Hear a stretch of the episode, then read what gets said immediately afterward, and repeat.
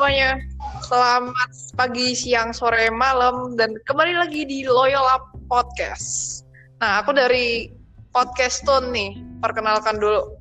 Aku sebagai host namanya Natasha Angelik Wibowo, sering dipanggil Angelik. Nah, di sini aku nggak sendirian nih. Aku ditemenin sama dua teman aku dari KKL 70 yang sangat terkenal, hits banget gitu. Boleh uh, dari yang perempuan dulu lah boleh perkenalkan diri Oke, halo semuanya. Nama aku Monica Putri. Uh, biasa teman-teman panggil aku Monik. Oke, namanya Monik. Yang cowok, yang cowok. Halo, halo teman-teman. Kenalin, nama aku Mahes. Aku dari 11C, absen 2. Aku sahabat di KKL ini. Oke, oke. Narasumber kita ada Monik sama ada Mahes. Nah, pada topik kali ini kita akan membahas mengenai cinta kasih. Nah, dari kalian dulu nih. Dari cowok ya, sekarang dari cowok. Menurut Mahes, cinta kasih itu apa, Hes? Cinta kasih itu menurutku perspektifnya banyak, Mas. Tapi perspektifku sendiri tentang cinta kasih itu, pendapatku sendiri, cinta kasih itu perasaan sih mungkin perasaan peduli menurutku sendiri perasaan peduli ya sama seseorang atau sebuah pihak yang berasal dari hati kita sendiri. Hati nurani lah istilahnya kalau kita diajar di sekolah. Oke. Asik asik. Dari hati ya Hes? Iya dari hati. Kalau menurutku kamu punya hati. nggak Hes? Hatiku besar hatiku belum ada yang naklukin ini masih masih ada. Tuh. Yang mau sama Mahes langsung aja komen di bawah. Ah, udah ada. Nih. Ada ada. Aman. Oke oke. Okay, okay. Nah dari Monik sendiri gimana nih? Kalau dari pengertian aku, cinta kasih. Cinta kasih, ci, uh, definisinya itu pasti luas ya, kak. Tergantung kita nganggapnya kayak gimana.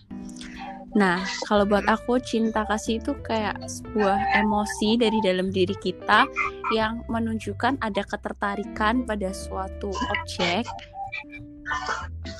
Dan mm-hmm. ya, cinta itu bisa dikatain juga suatu rasa perhatian. Gitu sih dari aku. Oke, okay. cinta itu merupakan rasa perhatian. Kamu perhatian belum hari ini sama orang?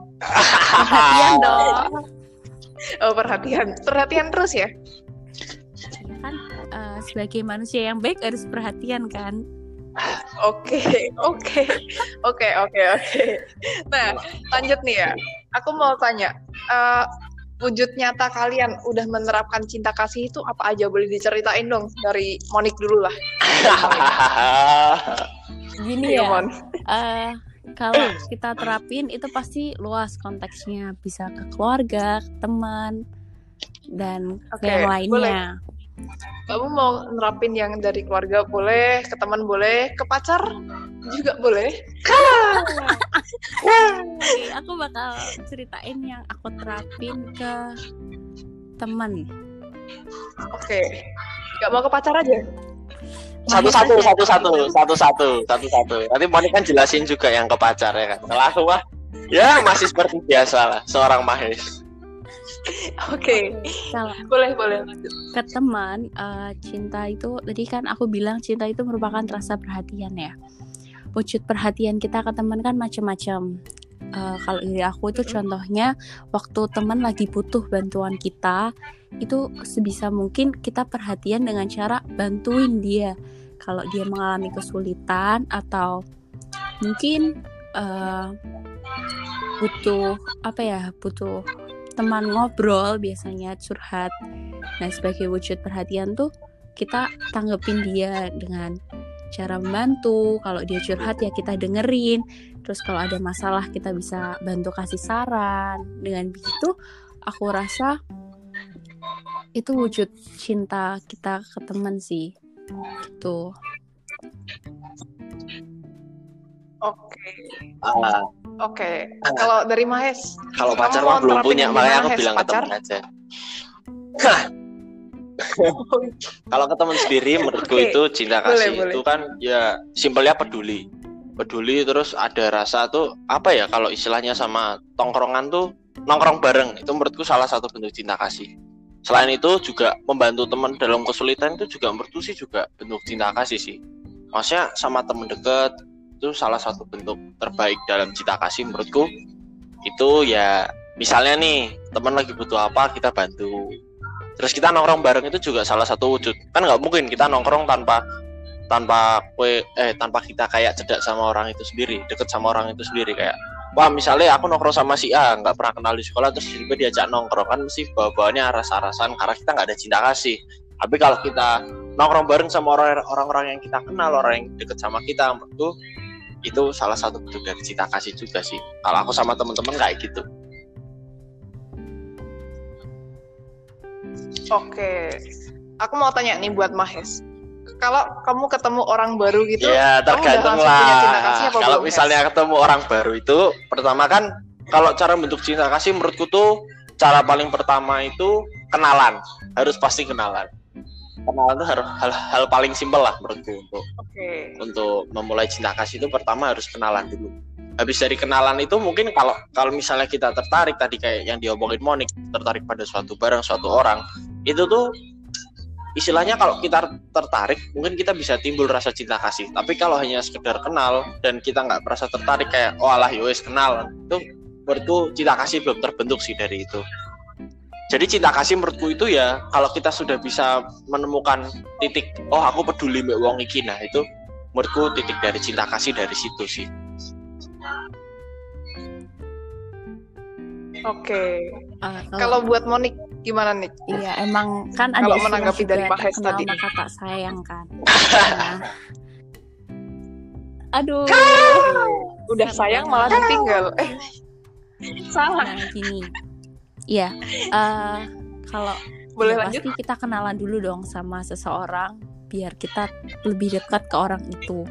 Nanti dari dekat itu dari dekat kalau udah lama ya nggak butuh lama juga sih dekat terus kalau kita cocok kalau menyenangkan orangnya gitu pasti lama-lama akan muncul rasa peduli dan perhatian tadi. Jadi dari kenalan dekat terus kecocokan tuh bakal muncul rasa sayang tadi. Dalam dalam dalam. Oke rasa sayang, rasa sayang nih perlu dibaris bawahi. Nah, aku sekarang mau tanya nih, uh, kalau cinta kasih itu dikaitkan dengan salah satu nilai Ignatian, kalian milih yang mana nih? Dari competence, conscience, compassion, sama komitmen. Aku Dari Monik dulu deh, ke boleh. Compassion ya. Uh, okay. ya, kita tahu compassion itu rasa peduli kita, rasa peduli kita pada sesama dan kayak yang tadi udah dibilang di awal dibahas di awal kalau rasa cinta itu juga ada salah satu unsurnya rasa peduli tadi gitu. Kalau aku sih ya betul sih kata Monik. Kalau paling mas? bisa diterapin kalau dalam nilai nasian itu sebenarnya sebenarnya sih compassion. Kenapa compassion? Compassion itu ya kalau tahu sendiri artinya kan peduli terhadap sesama saling membantu, bersimpati, berempati dan segala macamnya itulah yang dikasih ajarkan kita. Menurutku kalau paling cocok dengan cinta kasih itu compassion. Dan cinta kasih itu menurutku setelah kita sudah menemukan compassion kita butuh komitmen untuk cinta kasih. Jadi cinta kasih itu nggak nggak sekedar compassion doang sih, tapi juga harus dilakuin. Nah, tergantung kita sendiri kita bisa lakuinnya dengan janji kita apa enggak atau kita cuma cinta kasih iseng-iseng doang apa gimana kan mana tahu kita kalau misalnya cinta kasihnya itu hanya sebatas memanfaatkan. Misalnya wah aku punya temen ini tak tak apa istilah biar kenal lah biar bisa joki tugas sesuai macamnya itu kan bukan salah satu cinta kasih yang bisa dikomitmenkan. Maksud gue cinta kasih yang benar-benar bisa dipegang. Itu cinta kasih yang bercompassion habis itu bisa dibuat sebuah komitmen itu sih kalau dari apa Oke. Keren banget nih dari dua narasumber kita. Nah, tapi waktu kita ternyata udah habis, teman-teman. Jadi, mungkin cukup sekian uh, podcast kali kita hari ini dan kesimpulannya kalau kita punya cinta kasih itu Bener pasti banget. kita harus peduli sama orang lain. Bener gak? Oke. Udah segitu aja teman-teman. Terima kasih udah mau dengerin podcast kami. Uh, sampai jumpa di podcast selanjutnya. Bye bye.